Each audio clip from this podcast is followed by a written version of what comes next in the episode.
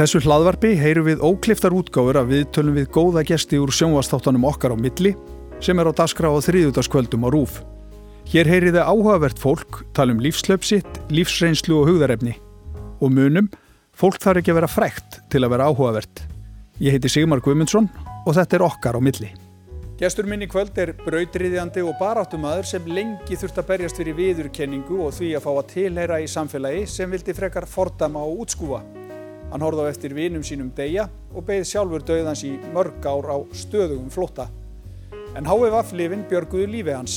Einar Þór Jónsson var fyrsti íslenski hommen sem greindi frá því ofinberlega að hann væri HVF-smitaður árið 1992 og nú er komin út bókum lífslaup hans þar sem svo sannarlega hafa skipst á skín og skúrir. Einar, verðstu velkominn. Takk. Gaman að fá þig hérna og, og til hamingi með þessa bók sem að þú varst nú að koma frá þér með henni Gunnhildi Örnu Gunnarsdóttur sem að skrifa þetta með þér. Já, takk fyrir það. Og hérna kannski áður en við förum að innihaldinu þá langar mér nú heila að nefna það. Það er svolítið svona merkinlegt og óvennilegt að, að fara inn í bókavertíð og þið í raun og veru þeirra bara rétt áður en að þið skilið af ykkur bókinni að þá veikist þið bæði á COVID.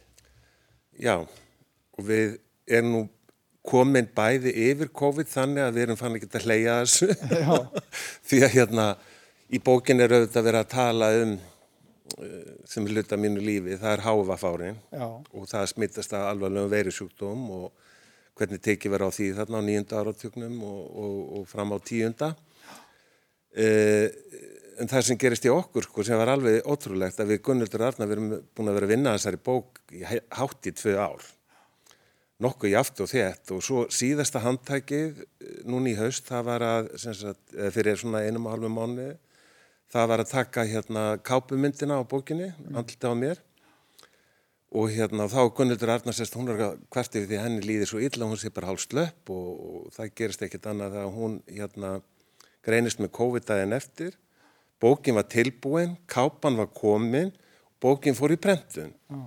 ég fór í sótkvinnútila og, og, og greinist síðan neikvæður eftir, eftir sótkvinna en síðan líða, líða nokkru dagar og ég veit ekki hvað gerði sko ég fekk snertir smitt eða við erum svona aðhlægjað alltaf þessu hvort hún hafi komið neina í COVID-in og ég er á HVF-livjum oh. HVF-livjónum til að halda niður mínum HVF-sjúkdómi og það eru veirulif og það er búið að sína fram á það að fólk á veirulifin er kannski svona að síðra til að smittast á COVID en aðrir oh. og hérna en allavega þá veikist ég síðan nokkur dögum setna og fæ háan hitta og ég hugsa að þetta er nú eitthvað skrítið og fer aftur í COVID-próf. Og, og ég greinir semst í ákvæður og síðan er ég í einangrun auðvitað fjórðu viku, alveg svo Gunnhildur hafi verið í einangrun í fjórðu viku og, og ég veikist, já ég er nú eldri en, 20 árum eldri en Gunnhildur. Og ég var aldrei veikur og fekk háan hitta og, og lúnabolgu og hérna og var bara alveg slegin út á fjórðu viku og, og, og einn heim í einangrun. Og síðan þegar ég er semst lausur einangrun og COVID-deildin er búin að útskrifa mig þá kemur akkurat bókið til landsins, er tollafgreit og við getum farið að kynna bókina og, og koma henni í bókabúðir. Og það var bara núna förstæðin. Þannig að ég segi að þetta var bara svona algjörlega rammað inn og ef þetta hefði eitthvað gerst nokkru vikum fyrr, þá hefði nú bókinn valla komið út í haust. Ekki núna, nei. Ekki, ekki þetta haust. Nei, en einhvern tíman hefum komið út og það, það er eiginlega svolítið áhugavert að tala um þetta svona í, í saminginu vegna þess að þú verður áður nefnt það að þér finnst uh, COVID og koronaveiran vekur upp svolítið svona óþægileg hugrenningatengsl fyrir ykkur sem að liðu þessa HVF tíma hérna fyrir ykkurum áratugum síðan. Já, mér, alveg allt frá því að COVID kom snem í vor og, og svona ímislegt í, ekkert ímislegt, bara mjög margt í umræðinni og, og þessi svona sérkennilegi veirusjúkdómur sem allt í hennu fyrir að herja á og það, já, það er margt sem minn er á já. og núna þegar ég hafði nú nógan tíma til að hugsa um þetta núna þegar ég var ein, í einangrunni að þetta er áskorun á svona andlega líðan mm -hmm. að lendi að fá þennan, þennan sjúkdóm og, og það sem er allavega sko koronaveiran eða COVID-ástandi veikindin geta, leittið dauða og er að gera það því miður en hái vaffið í gamla daga það var þannig að það var dauðadómur mm -hmm. og það var svona afmarka meira kannski á meðal ákveðina hópa og þá til og með samkynni er að kalla eða ungur og homma, það var aðal áhættu hópurinn. Núna er þetta dreift svona um samfélagið og, og, og, og veikasta fólki er í mestri hættu en uh, þetta að maður svona sé með veirusjúkdóm og þú kannski veist ekki nákvæmlega eins og ég skilða vel að fólk sé óttastlegið yfir því að fá sjúkdómin. Munurinn kannski á COVID og HVF það er, það er svona ekki þessi gríðarlega ótti eða miklu fordómar sem voru í þá daga Nei. fyrir HVF sjúkdómnum og, hérna, og ég allavega sagt, uh, upplifið allt mjög sérkennlega að þú getur leið heima eða ansið mikið veikur og, og hérna og það er engin að koma til að hjálpa þér það má enginn koma til þín mm. í raun og veru en ég segi bara í gamla daga hérna á nýjunda áratögnum að, að þegar HVF sjúkdómur byrjar og ég fór á COVID-deildina hér líka út af mínu veikindum að hérna, það myndi mig á A7 sem er ennþá smittsjúkdóma, legudeild smittsjúkdóma í fórsvogi mm. og gangudeild smittsjúkdóma er þar líka og COVID-deildin er þarna í næsta húsin núna í ykkurum litlum húsum og að hérna, það er miklu meiri svona fagþekking í dag hvernig á að bregðast við mm. og mér langar bara þá að koma því á framfæri að, að hérna, í mín upplifin er að, að heilbyrðiskerfið okkar er ekkert að hrunni komið, það er ekkert alltaf henni hérna, og mér fannst þjónustana í kringum COVID góð. Já. Það fylgst mér, mér allavega mjög vel, það var alltaf ringt mm -hmm. reglulega og spurt hvernig ég hefði það og ég haf alveg þá upplifin eða eitthvað færi ver að þá fengi maður alltaf það aðstöð sem maður þyrti Já. á nýjönda áratöknum það var menn vissi í raun og veri ekkit hvað var að gerast og, var, og menn, fólk var svo hrætt við þetta að fagfólk það bara titra og skalva óta bara við að taka blóðprófin Já. vegna þess að, að ef að þú smitaðist af HVF þá varst þetta döðan smattur það er ekki þannig með COVID í dag Nei. það er, getur verið hættilegt og er hættilegt því miður en það er ekki stór, ekki, ekki Nei, þetta er aðeins 1% eða 1,5% sem degir. Já, já. En hérna, var... við erum samt svona kannski aðeins að nota að ykkur er leiti sömu orð og glumdu á ykkur hérna á sínum tíma. Einangurinn, sóttkví, holfa niður, minga samskipti, helst ekki að vera innan um já, allt já. þetta. Já, já, skeilabóðin í gamla voru þau sko, unga fólkið notið smokkinn ef ekki döðadómur, sama sem döðadómur. Og, var, og, og kynlíf í raun og veru, kynlíf og, sérstaklega samlíf eh, samkynherra kalla eða homma vor, var beinleginis bara lífsættulegt og það er svona myndi maður sko þegar þessi miklu fordómar og þessi, við kallum það stigma sko þegar uh, er komin svona ákveðin ótti og það svona er ákveðinir hópar sem eru frekar útsettir en aðrir.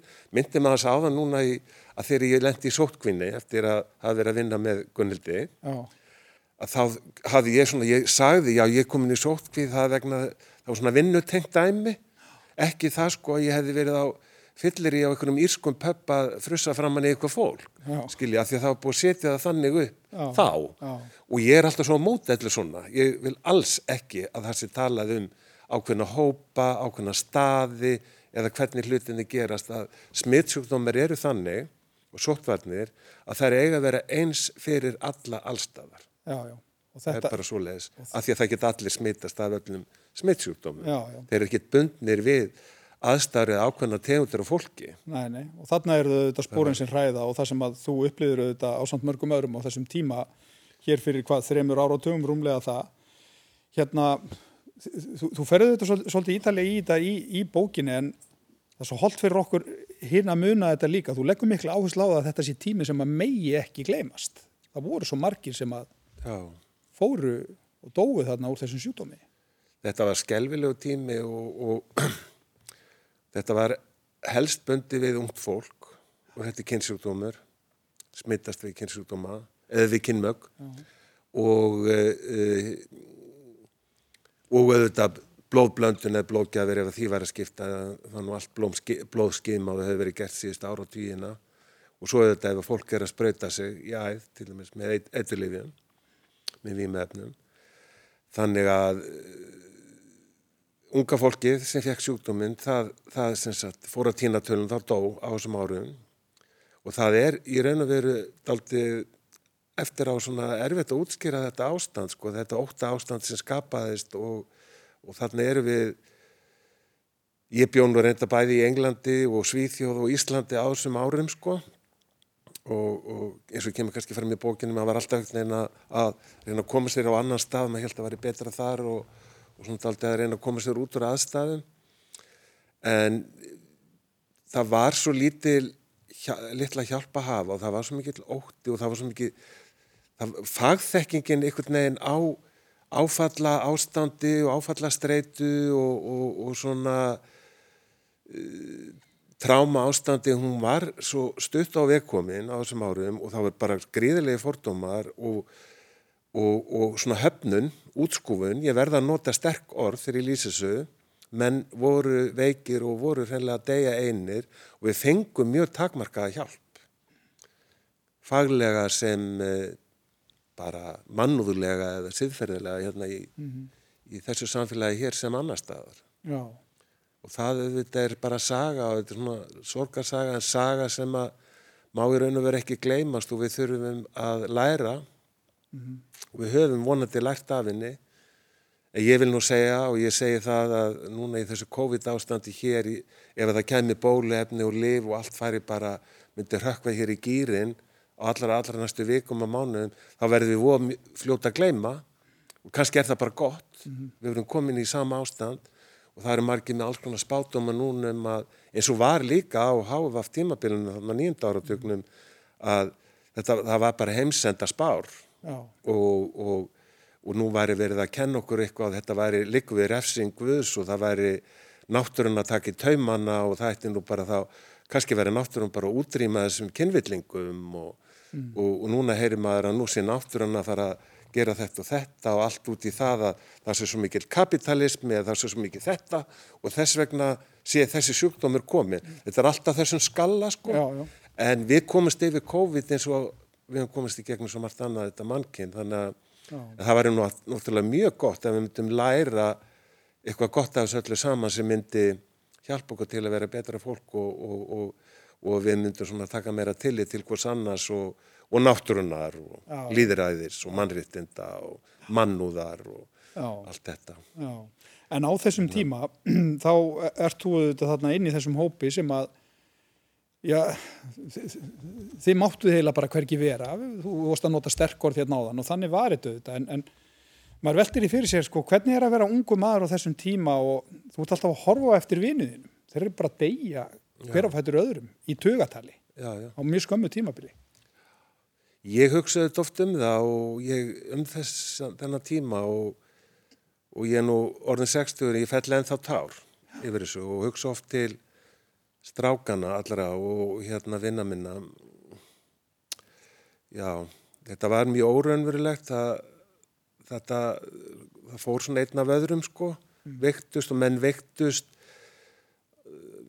mismunandi hátt og sumir sem hefði smittast þeir vektust mjög fljótt og, og dó og þetta tók stutt yfir. Aðrir voru lengi veikir og, og fengu alls konar mjög ógnælega sjúkdóma. Mm og, eins og ég sagði af það margir voru einar að díla við þetta sko.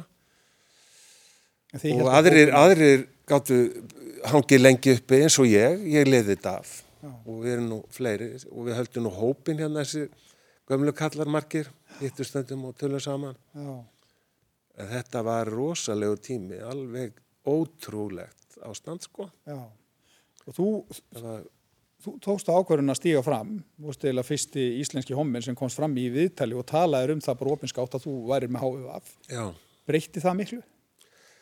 Já, ég hef mér hefur sagt það og fólk hefur svona eftir að tala mikið um það bara þessi sínileiki og opna umræðin og það kemi andlit þarna fram og, og, og síðan var ég auðvitað ekkert svo einn í því við hefum fleiri gert það og, og öll umræð og allur sínileiki er alveg grunnurinn af öllu því að breyta ástandi minga ótt að, uh, og auka þekkingu og koma svona fræðslu á framfæri líka eins og var gríðarlega þörf fyrir á þessum árum meðal unga fólks eins og inn í skólakerfið að, að fólk eða unga fólki svona átt að segja hvernig hlutinni væru og þetta sem ekki var í þá daga og kannski breytti mörgu í mannréttinda baráttu eða svona baráttumálum til með samkynneira að, að þarna fóru við að tala um tilveru okkar og tala um okkur sem manneskjur og við vorum venjulegt fólk í, í þessum aðstæðum og það, það, við fórum að tala um kynlífi, við fórum að tala um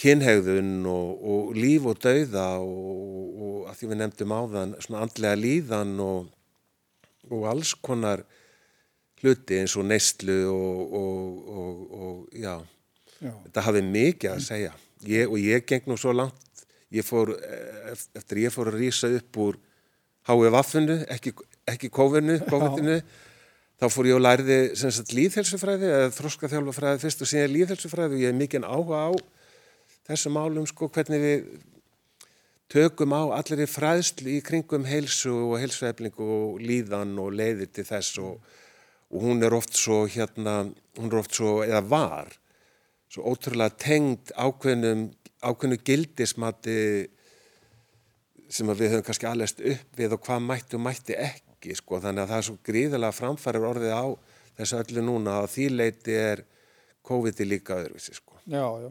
Við erum allt annað fólk. Mm -hmm. Við tölum um það hvernig okkur líður, miklu frekar, það er alls ekki allir en, en, en það er nöðsilegt að við gerum það og við tölum um leiðir sem við getum uh, nota til að okkur farnist og líði betur og, og þetta snýst allt um það að eins og er þauðt vera hamra, það er reyfing og það er þetta og það er hugleðsla og mm. það er þakklæti og hugsun þakklæti og, og auka bjart sinni og, og, hugsa um eitthvað skemmtilegt og hvað er gott og Já. allt þetta og það eigur seglu. Já. En þegar þú ert mjög veikur og ert í mjög erfiðum aðstæðum og ert til og með sér einangrun og ég hugsaði nú oft, ég hef nú verið að nefna bara líku við Nelson Mandela sem var nú í 28 ári í, í, í, í fangaklefa og kom út sem frið, frið, maður friðar og, og mannúðar að þetta er, þetta er segla og, og það er nákvæmlega hvernig við förum í gegnu það og það er svo mikilvægt núna í þessu COVID-ástandi að við veitum að þetta líður hjá. Já, já. Þetta mun líða hjá og það verður og við trúa því að heimurum verður betra eftir. Já. En á þessum tíma þá vissist þú ekkert endilega að þetta myndi líða hjá er það? Þú varst alltaf hrætt, þú hafði vissi... reynda á trú að þú myndir ekki deyja úr stúdónum en þú var samt alltaf óttaslegin. Og... Ég, já, já í, í tíu ár var ég undirbúið það ég myndi deyja og það var alltaf talað um það við mig þannig að ég væri að deyja og ég myndi deyja og, og þannig var talað við mann bara af helbriðstæðarsfólkinu og allir aðrir í kring og maður sá vinnin að deyja og ég fann helsunni raka og ég er semst komin með alnæmi og hef, það kemur fram í bókin að ég segið eftir og, ég, og það er algjörlega sannleikur en að ég eitthvað veginn eitthvað staðar, ég, ég trúði því að ég myndi lifið af ég veit ekki hvernig aðrir hugsaðu það mm. en kannski var það eitthvað skonar segla þá sko oh. og ég get náttúrulega komið hérna fram eins og einhver messias að segja hvernig hlutin er eiga verið eða hvernig voru eða hvað væri best en, en hérna það er þetta að trúa því já, já.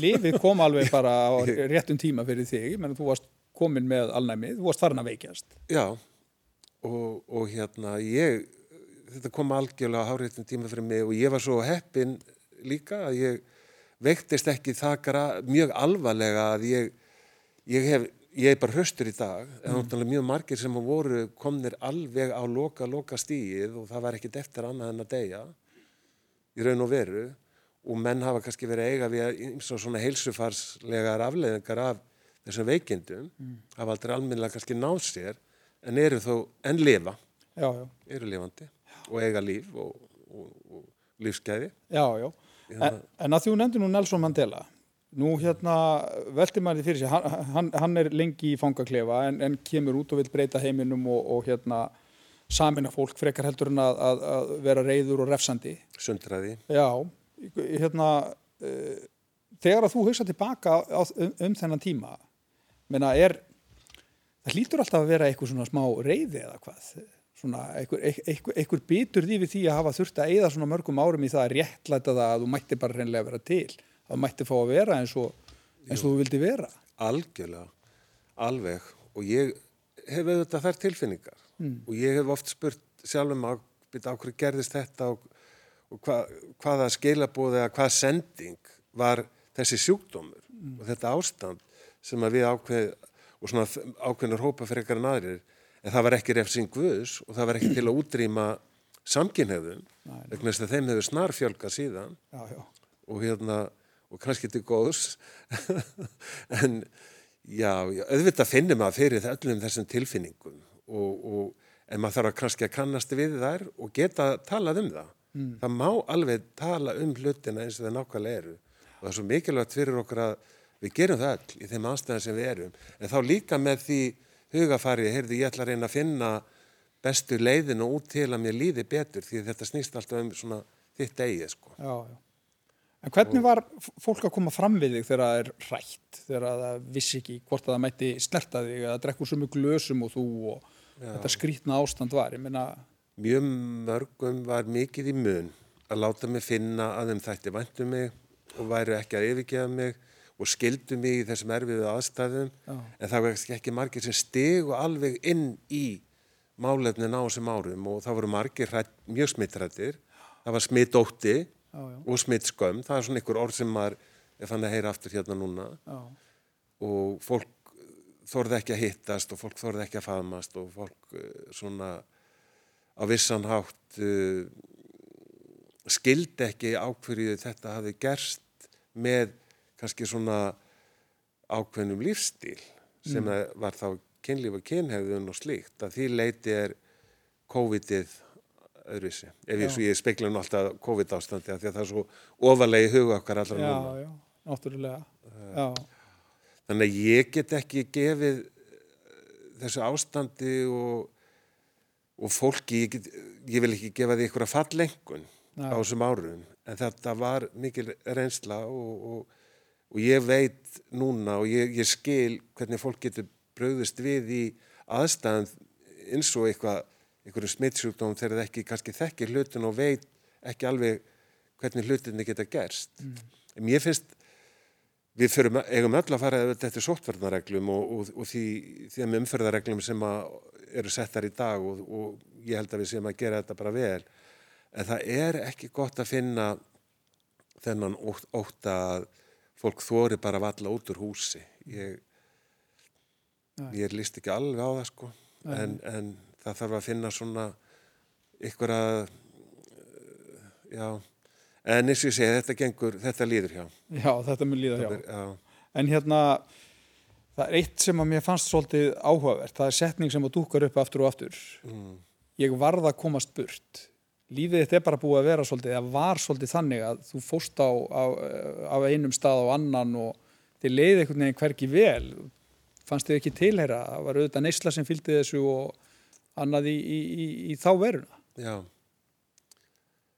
Já, já, ég menna þegar að þú þér finnst þú kannski ekki tilheyra eða geta verið með eða þú upplifir ákveðina svona andúð og mótlæti og þú bara samsamar þig ekki umhverfinu og þú kannski eins og kemur nú fram í bókinni hérna undir, undir titillin af því að vera berskjaldadur leit einast þós að líf og ást. Já. Líklega var maður að leita að ást og leita að svona frið og ró í hjartanu og, og maður fann það ekki og, og, og kannski voru það þessar aðstæður sem að maður var í maður var alltaf einhvern veginn að fara áfram og ég var á miklum þvælingi á þessum árum mm. Svona var bara þessi tími? Svona var þessi tími Já Og já, já, ég menna íslenskir við strákar og Íslandi í litlu Reykjavík tengjum þetta við samkynniðin að bara mjög marg annarkvort vastu hér inn í skáp í mikill í vanlíðan, liður þetta ekki af vastu hættu að verða alkoholist eða bara einhverju förðufríki eða tókst lífið þitt og eins og mm. saga hins einn fólks eh, er eh, eða þú, að, þú hérna flúðir land mm. og, og þá voru íslenski strákar þegar ég er að koma til skapnum á nýjunda áratöknum það var ekkert björgulegt líf samkynneira hérna í Íslandi þá en Kaupmannahöfn og London og New York og þessar borgir þar var fullt af íslensku strákum og íslensku, íslensku mönnum sem byggu þar og, og voru kannski búin að skapa sér bara gott líf. Mm -hmm. áttu vinni og voru á vinnumarkaðinum og, og þannig að já hvað segir maður, kynferðislegir eða svona kynferðislegir flóttamenn? Já Já, þetta var eitthvað. Það, það var mikið af flottamennum, íslensku flottamennum í þessum borgum sko. Já, já. Og, marg, og margt mjög sögulegt já. og það þurfti að gera sög, þessar sögum miklu betur skil því þetta ævintriðli og ótrúlega týpur og alveg geggjað flottir strákar og kallar sem að maður kynst á þessum áriðum út um allt já, já. og oft um mikla sögu já. og mikið baráttu þreik og mikil segla og mikil kjarkur og og svo fóruð það illa hjá mörgum og margir fóru illa bæði að völdum neistlunar eða háið að fá alnæmis og, en aðri lifði af og urðu rosalega svona sterkir og duglegir ah. gáttu sagt frá mörgum sögum. Þetta er bara mikill drami, mikill tráma. Já, já, það er það. Þetta er bara ótrúlegt og Allt og lítið verið um að tala sko, eða sagt frá svona. Og þetta auðvitað lítar þitt hérna, lífslaup heldur betur og svona í, í framhaldinu þá verður þú auðvitað svona paráttumæður fyrir hérna, mannréttindum getur við sagt og þú setur andlitið svolítið á það að, að hérna reyna að útrýma fordómum og, og, og svona gera okkur öll að betri mannesku, við getum alveg orðað þannig. E, Hái vaffið, var það svona vendipunktur í réttindabaráttu samkynneira hérna á Íslandi? Eitti það umræðan sem kemur upp í framhaldinu því, eitti það fordómum? kannski ekki, nei, það er ekki að segja það við eitt fordómum, en, en, en háið vaffið sem kemur þarna eins og þrjumarsóndaldur heiskjur lofti þarna nýjunda áratunum verður til þess að helbriðisauðvöld og yfirvöld almennt urða að taka samtalið við samkynnið að kalla mm.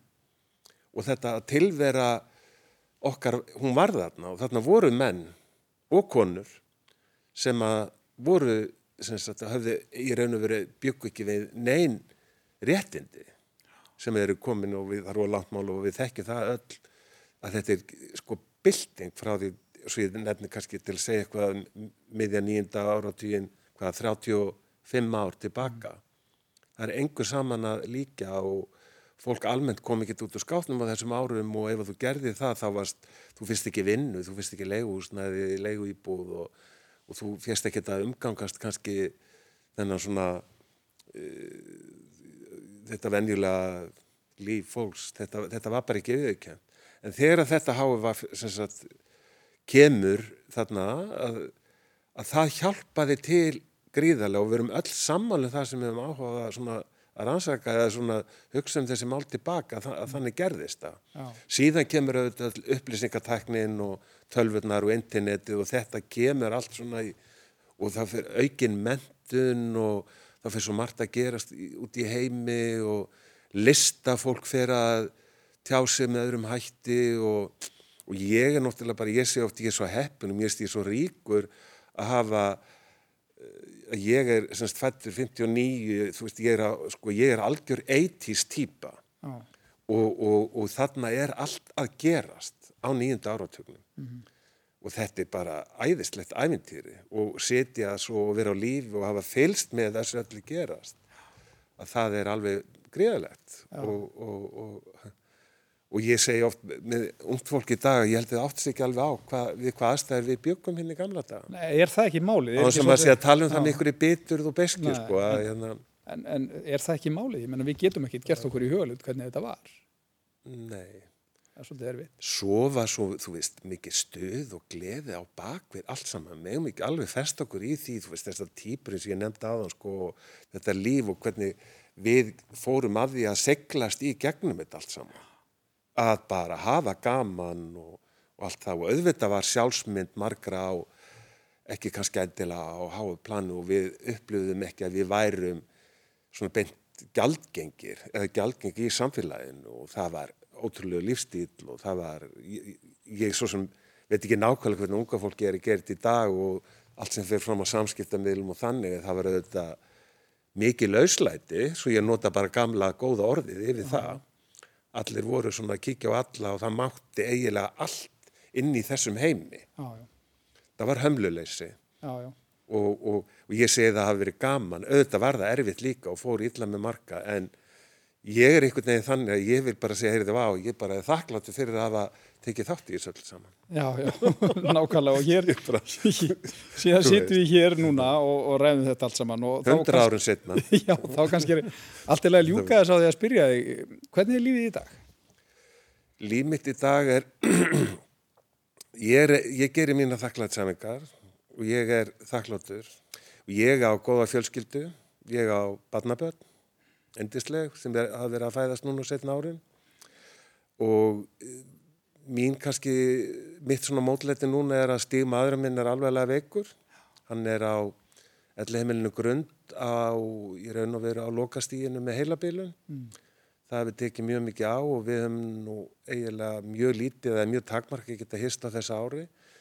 Ég hef til og meins ekkert síðan núna í marga vikur að því ég er að rýsa upp úr þessu COVID ástand mm -hmm. og það er kannski það sem er svona aðanmáli í mínu lífi en ég er með að ymsa bolt á lofti og ég er, mér hefur tekist að halda helsu og, og svona áhuga no. og virkni og, og mér finnst það að vera svona nummer eitt Já. og haldi í húmóren sko Já. ég enda hleið og, og reyna sko ég fyrir speilin í bronsi já, hérna á mótnana þú ert æðislega reyna virkar það? kissi sjálfa mig bara í speilinu það virkar alveg það virkar, já þó þú alveg bara, öð, þú veist. þú veist, Maður, þetta kemur ekkert að sjálfu sér sko. Nei, nei. En bara þannig. Verðum að reyna að halda það í ákvæmna á kliðina, það er bara þannig. Einar Þóri Jónsson, takk fyrir að koma og enn og aftur til hamingi með þessa bók. Já, ok. Þetta var hlaðvarpið okkar á milli, óklift útgafa af sjónvastáttunum sem er í loftinu á Rúf á þriðutaskvöldum og eftir kastljósu og menningu. Ég heiti Sigmar Guimundsson, takk fyrir að hlusta.